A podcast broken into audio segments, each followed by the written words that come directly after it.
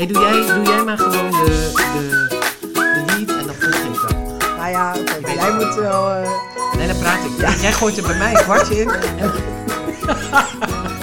en dan... eh, Ja, precies. Oké, nou, ik heb eh, mijn zak vol kwartjes. Oké. Ja.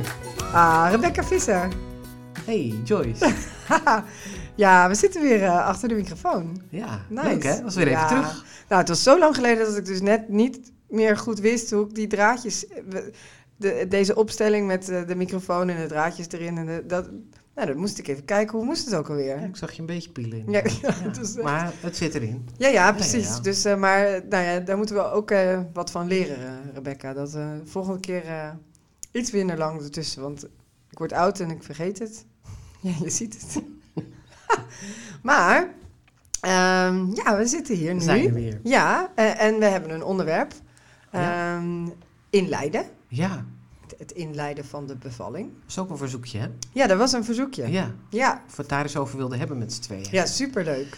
Ja. ja. ja. Dus dat was een berichtje uit via, eh, via Facebook van eh, iemand die eh, zei: Kunnen jullie het daar niet eens over hebben? ja. Dus, eh, nou, dat graag. Nou, ik dacht ook meteen superleuk onderwerp, maar Ja. ik dacht wel ook een beetje oei, ja, dat moeten we wel voorzichtig aanvliegen. Maar Ja, hè? ja, nou ja, het hangt er een beetje vanaf waar we het over gaan hebben. Maar er zit Ja. natuurlijk een, er, er zit een zeker ehm, spanningsveld en dat komen we vast wel een keer Ja, daar gaan we het vast nog even Ja. over hebben. Maar ehm, Precies.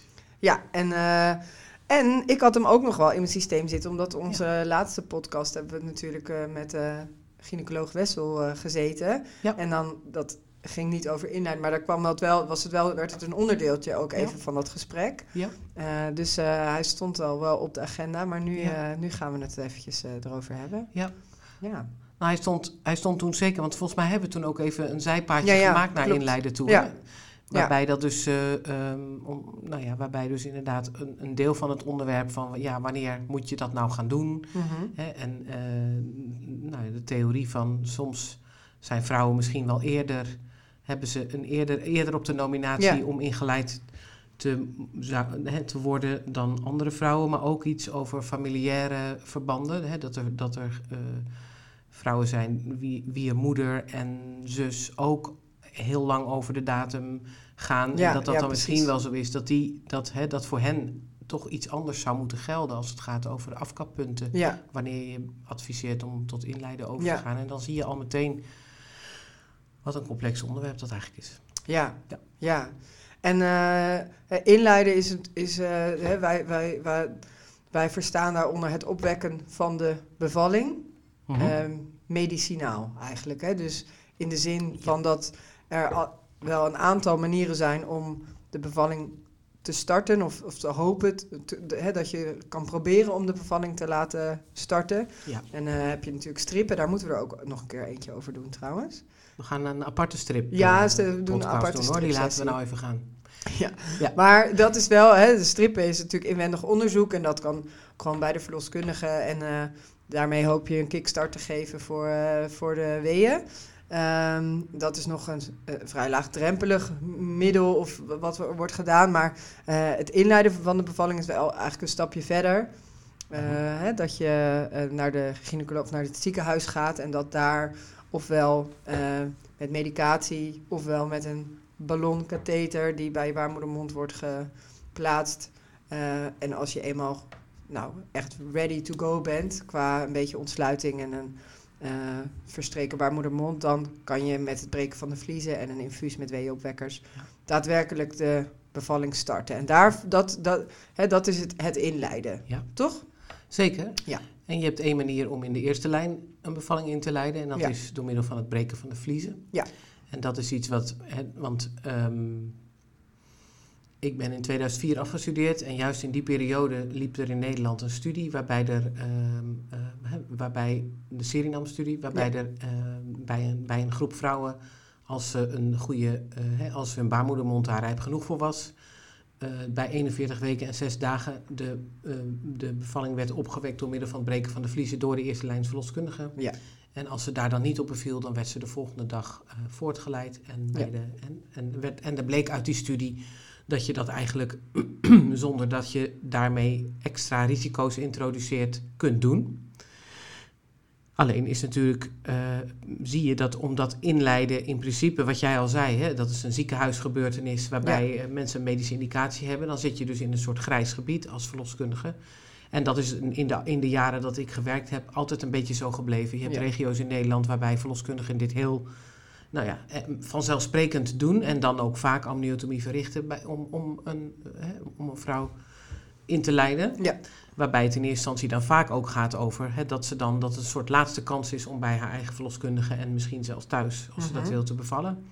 En je hebt plekken waar verloskundigen dat helemaal nooit gewend zijn geweest, waarbij dat dus ook altijd ingewikkeld is. Ja, En, nu wij- zit je met de discussie van ja, moeten we dat dan eerder doen of moeten we dat eh, helemaal niet meer doen? Het is me wel opgevallen door de jaren heen, want ik heb dus in de eerste jaren dat ik werkte ook best veel vrouwen bij 41 in, om, op die manier ingeleid. Wij Mhm. deden dat eigenlijk altijd alleen bij vrouwen die al eens een keer bevallen waren, omdat toch ook wel blijkt dat vrouwen die hun eerste kind krijgen, dat het breken van de vliezen alleen niet voldoende is om ze in te leiden. Ja.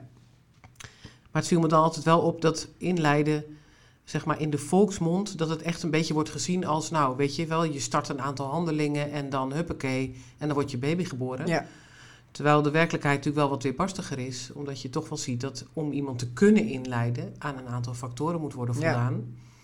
Die je niet zomaar hebt. Vandaar ook die ballon, hè, die je al noemde, van hè, wat gaat over het rijp maken van iemands baarmoedermond.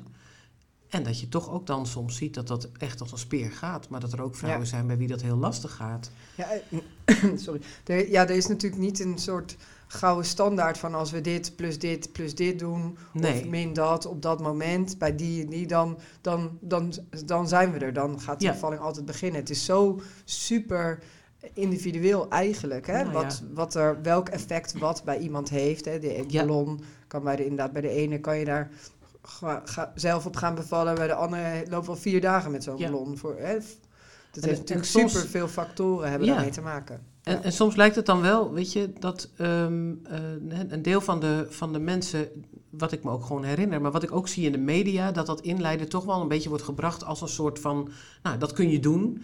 Alsof het heel rechtlijnig is. Van je doet Ja. eerst dit en dat Ja, en dat en dan komt de baby. Terwijl dat dus in werkelijkheid. Ja. Ja. En als vrouwen dat niet weten, dan is dat wel iets waar, waarvan ik, eh, ja, waar, ik van, waar ik tegenop ben gelopen. Dat vrouwen, als ze daar niet van weten dat het lastig is, Mhm.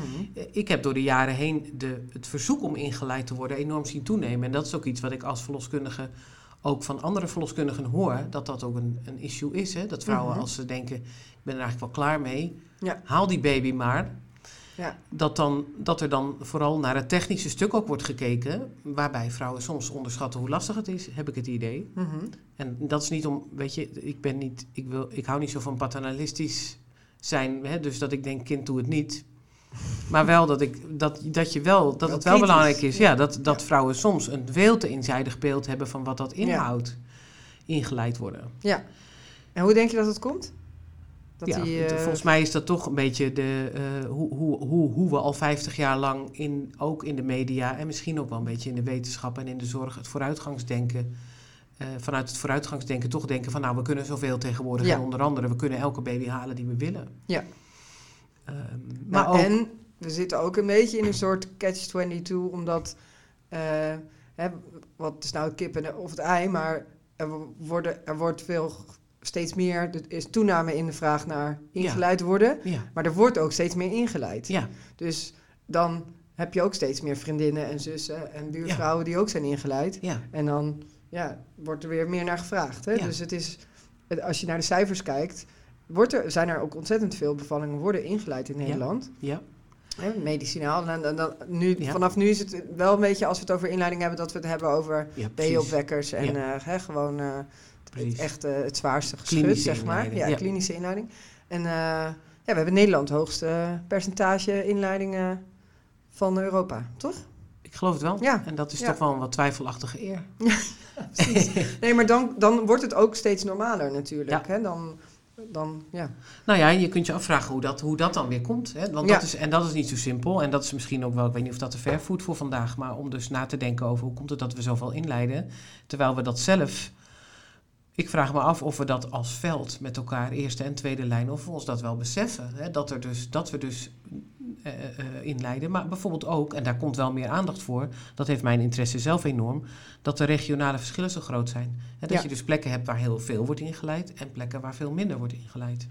Ehm, en dat is iets dat je kan zeggen, maar eigenlijk zou je idealiter willen, ik in ieder geval, dat je inleidpercentage rechtstreeks samenhangt met Ja. de onderbouwing van dat je dat doet. Wanneer doe je En dat? Wanneer doe je dat? En in, in, in werkelijkheid is dat dus niet zo. Nee. En dat is overigens wereldwijd ook zo. Hè, dat je ziet dat, dat er op basis van cultuur ja, nou ja, precies. eh, gewerkt wordt. Ja, want ik moet meteen denken, ik heb nog heel, heel kort of een tijdje in een streekziekenhuis gewerkt. Eh, dat is ook alweer twaalf jaar geleden of zo. Maar in ieder geval waar echt een cultuur was bij de gynaecologen. Daar werkten een hoop Duitse gynaecologen. Mhm. Ehm, waarbij het heel normaal was om mensen, als ze met het verzoek kwamen, ik wil ingeleid worden, om dat gewoon te honoreren en eh, Ja. dat te doen. Ja. Dus dat percentage was daar enorm. Maar dat ehm, kwam en wel door, een beetje door de attitude van de tweede lijn, namelijk ja, is prima, kom maar. Ja. En dat uiteindelijk dat hele, die, die hele streek gewend was dat als je het zat bent, dan ging je naar de gynaecoloog en dan zei je, mag ik ingeleid worden? ja. En eh, ja, dat, ik heb het daar toen ja, echt ervaren om ja. eh, te zien hoe iedereen zichzelf daarin een beetje had eh, ja, eh, opgeleid of gewend was. Precies. En Ja. ik denk ook dat als je kijkt naar de afgelopen twintig jaar, dat, dus, dat we ook, hè, we, zitten in Nederland toch nog steeds met een soort van image dat we een beetje een achterlijk land zijn op medisch gebied als het om de verloskunde gaat. En, eh, en dat is geen goed gevoel. Nee. En ik weet ook nog wel dat dat, dat, dat 20 jaar, nou 20 jaar geleden, maar ietsje, ietsje korter, 18 jaar geleden, dat we soms ook met cliënten echt.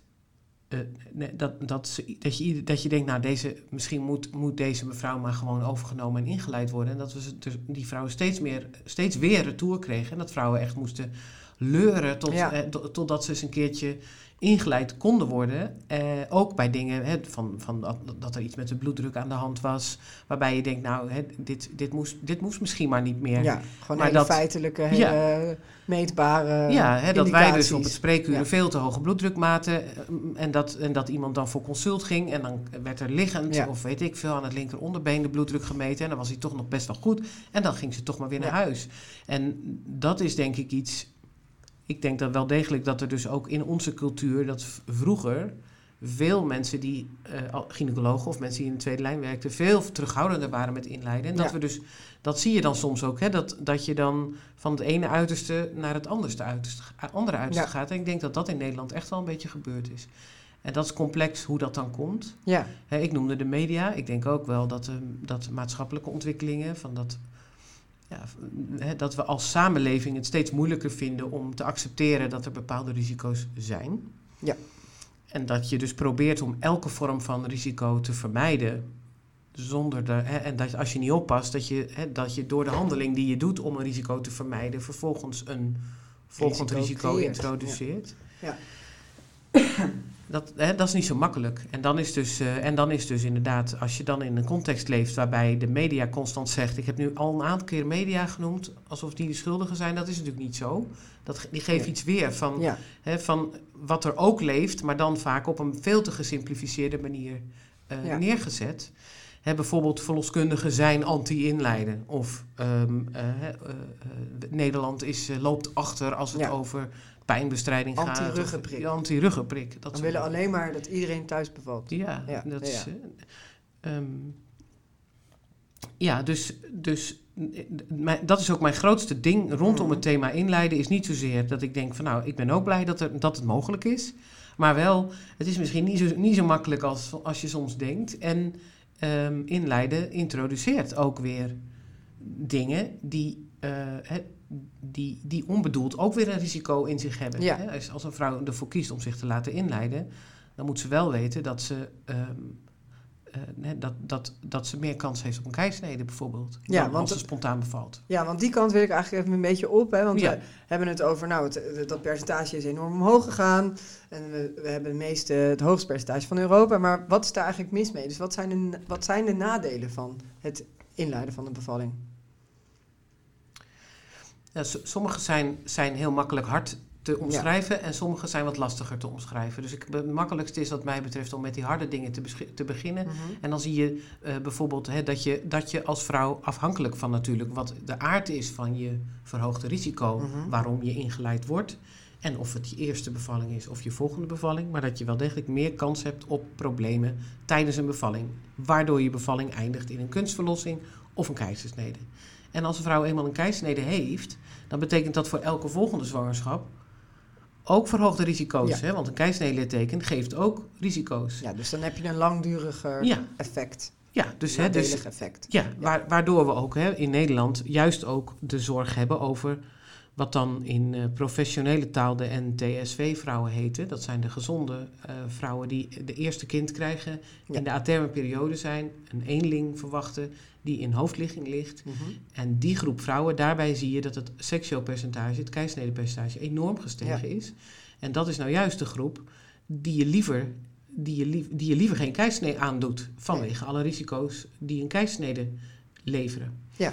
Opleveren, ook in de toekomst. En dit van was die, pas hun eerste kind. En dit was pas hun eerste Dus kind, hè? Dus, er eh, nog twee of drie, ja. en misschien vier keer meer zorgen van Ja. ook. Hè? En, en dat weten we ook. Als we die groep vrouwen zo door hun zwangerschap heen weten te loodsen... dat ze uiteindelijk via de vaginale weg bevallen... dan levert ze dat een bepaalde winst op bij elke volgende zwangerschap daarna. Ja. Eh, dan hebben ze namelijk minder risico's op allerlei dingen. Nou, dat, dat is een... ehm, dat, dat is een topic waarbij ik denk, ja, hè, dat, dat, dat, je, je wil graag vrouwen liever niet een seksueel aandoen, Nee. een keisnede aandoen. Bovendien zie je dat als je aan het bevallen bent, dat je, hè, je lichaam is er, als je wordt ingeleid, nog niet klaar voor. En dat kun je voor een deel, kun je dat dus Ja. eh, kunstmatig doen, door iemand een ballon te geven waardoor haar baarmoedermond weker wordt. Mhm. Maar verweken gaat ook nog over andere dingen. Hè? Ja. Je bekken moet ook verweken. En dat is iets waarbij juist in die laatste weken zie je dat dat vaak enorm verandert nog. Dat vrouwen enorm veel meer ervaren dat hun bekken instabieler wordt. Ja. Wat waardevol is als ze gaat bevallen. Ehm, de baby zelf moet er klaar voor zijn. Ja, het is natuurlijk zo'n complex Ja, eh, gebeuren dat we daar maar met één of twee dingetjes kunnen we, en namelijk een ballon of medicijnen of wat dan ook, kunnen we Ja. maar een heel klein onderdeeltje van dat complexe verhaal beïnvloeden. Ja. Natuurlijk, hè? als, als je kijkt naar redenen om in te leiden, kun je natuurlijk zeggen, nou, we hebben die, die termijn is er. Eh, Dus hè, als iemand eh, eh, ver over de uitgerekende datum gaat. Ja. Eh, maar dan gaat het om een gezonde vrouw, waarbij verder niet zo heel veel aan de hand is. En dan is het al, hè, en dan, dat is een super ingewikkeld thema. Van Ja. wat is dan, hè, wat is beter, inleiden of afwachten? Maar dat zie, je, dat zie je bij allerlei andere zaken ook. En sommige complicaties zijn ernstiger dan andere. Hè? En dan heb je dus, hè, tegenwoordig wordt er heel veel ingeleid vanwege een verwacht groot kind. Ja. Nou, dat is nou echt een indicatie die, ook, die eigenlijk ook internationaal gezien en in de literatuur super omstreden is. Mhm.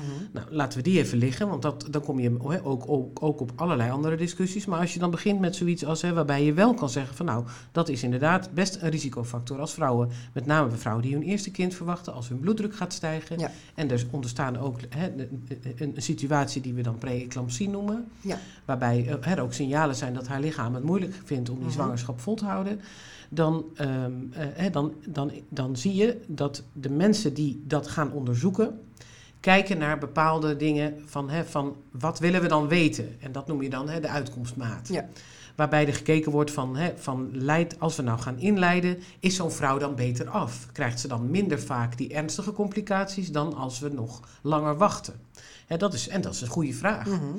En dan vervolgens kan je zeggen van nou, en als we dan naar de baby kijken, komt die baby nou vaker op een kinderafdeling terecht dan als we afwachten? Want dan is het natuurlijk ook, kijk, als een vrouw al complicaties heeft, dan heeft haar baby al meer kans om op, bij een kinderarts terecht te Ja, komen als het eenmaal geboren Ja. is. Dat kan zijn door de medicijnen die ze heeft gekregen. Het kan ook zijn dat er problemen zijn met de groei. Hè, dus dan, dan is dat ook eh, best goed om naar te kijken van Ja. nou, komt die baby vaker op de kinderafdeling terecht? Maar op het moment dat je dan een studie doet en je gaat kijken naar die uitkomstmaten en, je, en, en de ene is, is zo zeldzaam dat je eigenlijk nog een aantal uitkomstmaten erbij moet betrekken om überhaupt een duidelijke uitkomst te zien. Mhm. En bij die kinderen zie je inderdaad niet zoveel verschil. Dan is het wel waardevol om te kijken en wat gebeurt er nou met die kinderen in de week daarna. Ja. Zijn die kinderen vaker geel? Hebben die kinderen vaker een probleem met de borstvoeding? En dan zie je al dat, er al dat daar een enorm spanningsveld ligt van hoe belangrijk vind je dat? Terwijl Ja. dat naar mijn idee, als het gaat over elke individuele zwangere die tegenover je zit, maakt dat ontzettend veel uit. En sommige vrouwen zullen zeggen: Ik wil kosten wat het kost dat mijn kind het overleeft. En of ik dan borstvoeding kan geven of niet. Uh, of, of het op de kinderafdeling komt te liggen of niet. Of ik in het kraambed alsnog met dat kindje naar het ziekenhuis moet. Dat uh, mm zij allemaal zo. En andere vrouwen zullen zeggen, nou, ik wil hè, de, uh, uh, misschien wel, zolang ik mijzelf goed voel, vind ik op zich die bloeddruk niet per se iets waar ik meteen wat mee wil. Nee. Je kunt je ook voorstellen dat het dan ontzettend afhankelijk is met wie je dan als zwangere spreekt. Ja. Kom je dan tegenover iemand te zitten die ontzettend graag wil dat die baby er zo snel mogelijk uit is, mm -hmm.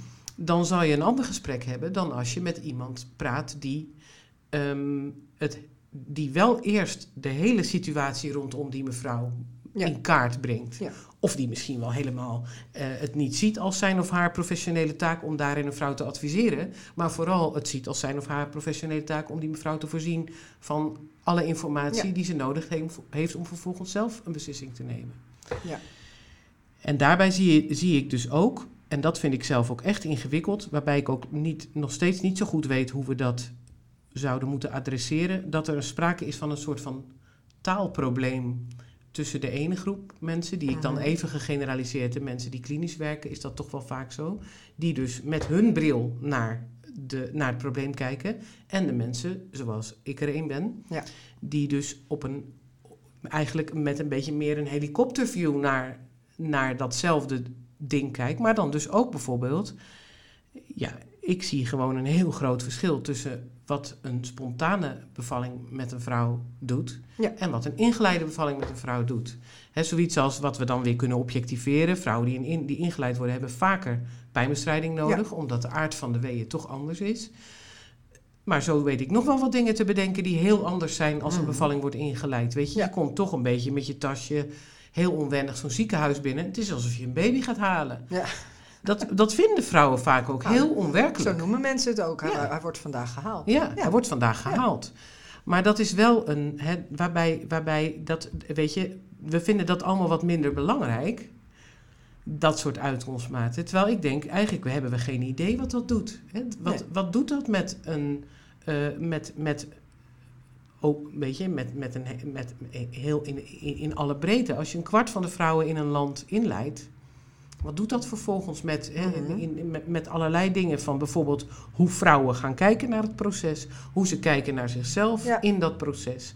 Hè, de, eh, het, hè, de vanzelfsprekendheid waarbij je als vrouw eh, het hele proces van je zwangerschap en de uitkomst Ja. in handen van een professional legt. Ja.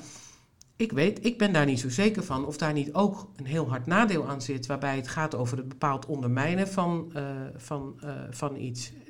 Het is mij in ieder geval, en dat is, vind ik ook heel erg iets wat bij mijn vakgebied hoort als verloskundige, dat je dus veel meer besef hebt van hoe klein, schijnbaar kleine dingen hele grote gevolgen kunnen hebben Ja. tot ver in de jeugd van kinderen, maar ook in, het, in, de, Ja, nou, en- in de binding, in het vertrouwen wat, wat vrouwen hebben in ja, hun eigen moederschap. als, eh, in als zichzelf. En, en dat zijn dingen die, die, ehm, die, die moet je gewoon niet te snel onder het kleed Nee. vegen. Nou ja, en, ehm, en nu heb ik natuurlijk ook de vroedvrouwenbril op. Maar Ja. waar, ik, waar we, denk ik, als vroedvrouwen ook heel hard op gaan, is je bevalervaring. Ja.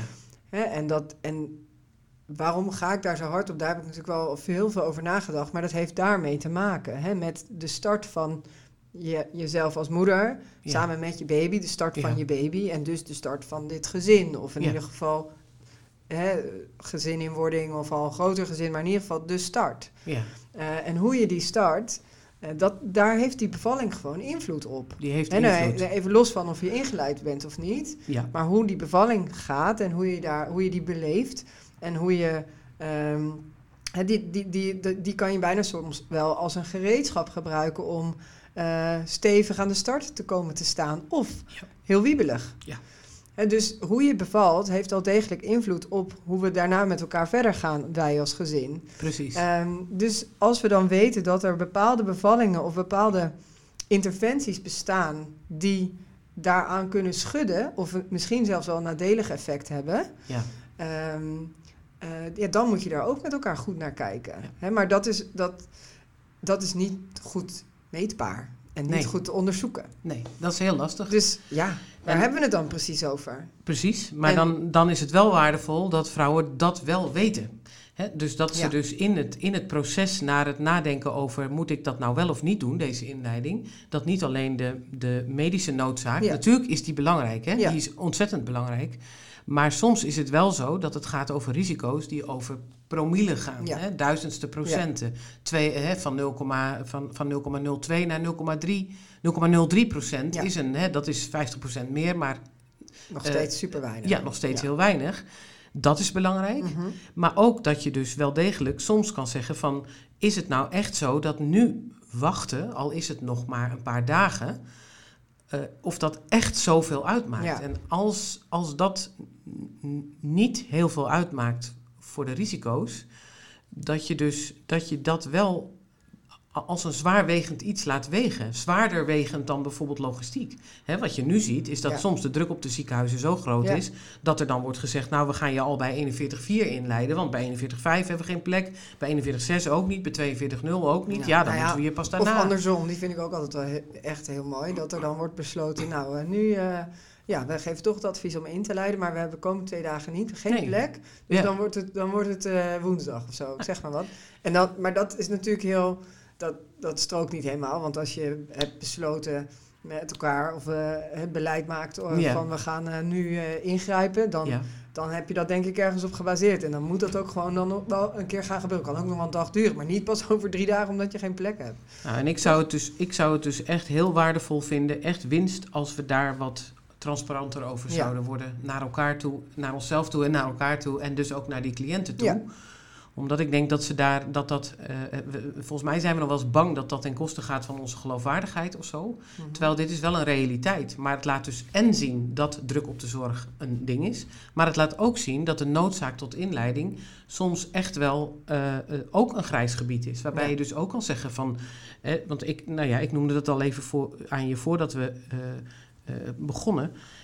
Ik herinner me nog dat, dat er, en dat is lang geleden... maar dat het ooit echt zo was... dat er ook in de tweede lijn de discussie was van... eigenlijk zou je pas moeten inleiden als 24 of 48 uur na dat besluit het doen van een keisnede gerechtvaardigd is. Puur op grond van Ja. hè, de te verwachten complicaties.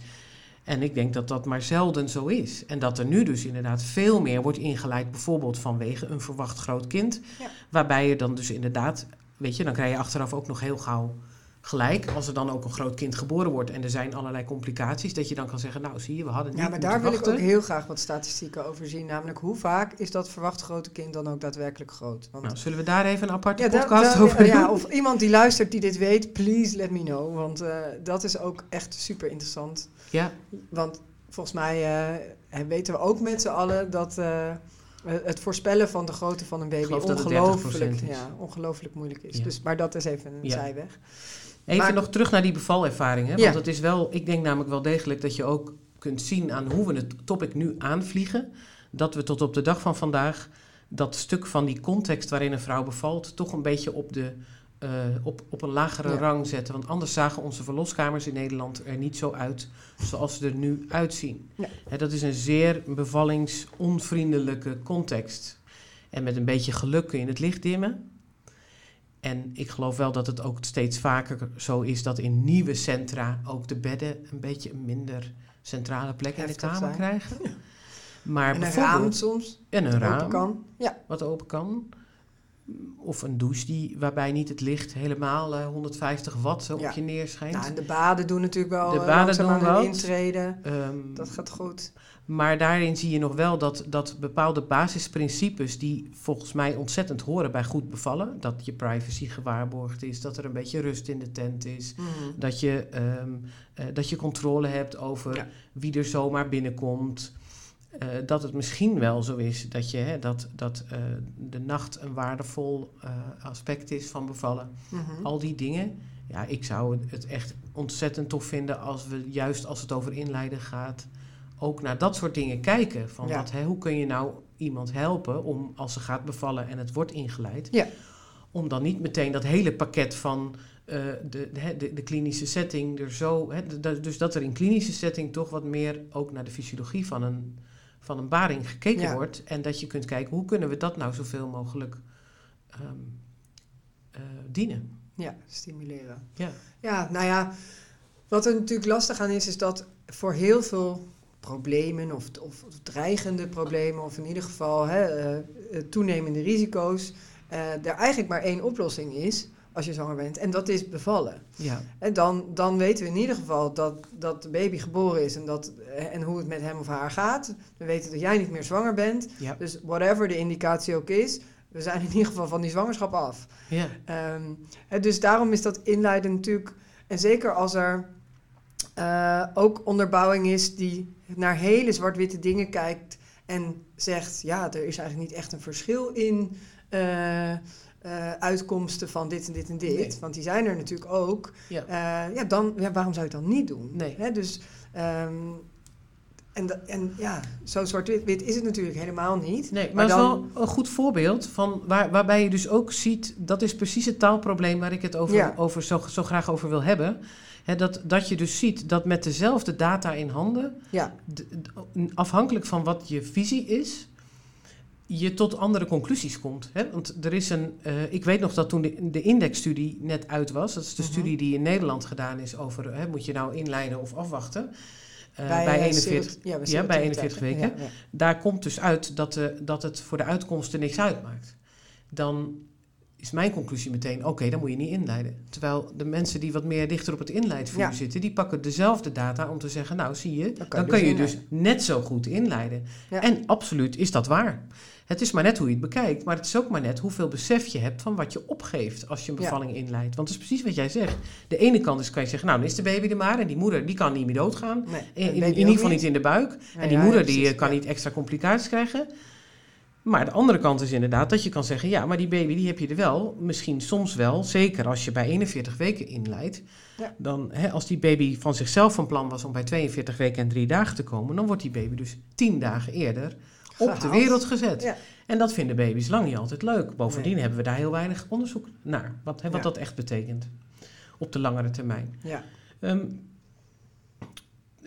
dus, dus ja, dan, dan de- aan de ene kant denk je ja, probleem opgelost. En aan de andere kant denk je ja, dus, eh, misschien moeten we nog wat andere onderzoeksvragen beantwoorden voordat we dat zo kunnen zeggen. ja, En dan zit je dus weer met wat jij net noemde, ja. dat dat soort dingen nou juist zo lastig te onderzoeken zijn. De waarde precies. van. Nou, en dat als het gaat, en dan, dat bedoel ik niet per se de media, maar wel, waar ik dan zelf altijd bang voor ben, is dat als, je, als ik het daarover wil hebben, over die Mhm. ervaring, Mhm. dat je dan als verloskundige ook weer een beetje weg wordt gezet. Hè, van, Ja. nou ja, maar jullie willen altijd dat iedereen eh, zonder enige toeter of bel eh, bevalt. Ja, Ehm, of zo natuurlijk mogelijk. ja, Ehm, daar gaat het me helemaal niet. Tuurlijk wil ik, ik wil gewoon heel graag dat we niet onnodig dingen moeilijker maken en, en, en risicovoller dan, nee. hè, eh, dan nodig. Nou ja, onnodig Nee, maar je dus. wil ook niet dat die bevalling wordt afgedaan als een niet relevant, een paar uurtjes Nee. van je leven en daarna kun je weer lekker doorleven. Dat, dat is gewoon niet Nee. waar. Nee, En daar wil je ook aandacht Ja, voor hebben. Van dat dat dus, hè, dat, dus als je dat bagatelliseert als ja, bevalervaring, bevalervaring, dan pak je te weinig. Het gaat hierbij wel degelijk ook om hele waardevolle dingen. En die je niet alleen Ja. maar kunt afdoen als egoïstisch van de vrouw of, eh, eh, of inderdaad niet relevant, want niet te meten. nee, precies. Dingen Ja. die, je- die we niet kunnen meten, doen alsof ze niet belangrijk zijn, dat is een truc waar wij wel een beetje klaar mee zijn. Hè? Ja, jij noemt ook echt een truc. Ja. Nou ja, en dat maakt het ook soms zo moeilijk om... eh, en, en nu komen we denk ik een beetje waar, jij mee begon. Hè, wa- wa- waar, waarom jij dacht, eh, nou oef, eh, op het moment dat we toch... Of dat je dacht, nou, gaan we even kijken als we het over inleiden gaan hebben. Want Ja. en je... Ja, ik wil echt dat iedereen... Ik wil vooral heel graag dat iedereen vrij is om te kiezen wat diegene wil. Maar dan, eh, en dan ga je het hebben, maar dan wel op de goede informatie. En Ja. dan hangt het er dus weer echt weer vanaf wie, de, wie je dat vertelt. Ja. En met welke bril op die dat, dat vertelt. Ja. Dus ehm, daar, dat maakt het dus toch nog echt wel ingewikkeld. ja. Ehm, maar eh, desalniettemin is, is het gewoon geen, is het niet gangbaar een inleiding. Hè? Dus eh, ja, als je kijkt naar wat, ho- hoe het leven normaal gaat, is dat vrouwen niet medicijnen nodig hebben om te gaan bevallen. Nee, precies. En da- ja, daar En- weer even naartoe terug. En voordat we dat gaan normaliseren, want Ja. er, zijn ook, hè, er gaan ook stemmen op, zeker internationaal. Hè, In de Mhm. Verenigde Staten hè, van alle vrouwen inleiden bij 39 weken. Dat zou, eh, het, de oplossing voor alles zijn. Ja. Ja, ik denk dat, dat, ehm, dat het niet getuigt van wijsheid als je dat promoot zonder dat je eerlijk bent over het feit dat je daar alleen maar gekeken hebt naar de voordelen Ja. en niet naar de nadelen. En dus precies dit stuk van wat ontnemen we vrouwen op het moment dat we zo licht, lichtvoetig doen Nou, de over een baby's. interventie die hun leven bepaalt. Absoluut. Ook. Bedoel, Absoluut. eh, ja, dan, dan, sommige baby's worden dan veel te vroeg eh, geboren. Ja. Ja, dus, eh, oké. Lekker, eh, lekker draadje. We moeten er nog maar eens op door, hè? Ja, precies. Nou, dankjewel. Ja, we gaan nu nog eens even zo eh, op kouwen. Maar voor, Ja. voor, voor nu is dit een mooi, Vind ik ook. mooi verhaal. En bedankt weer. Jij ook. Oké dan. Doei. Doei.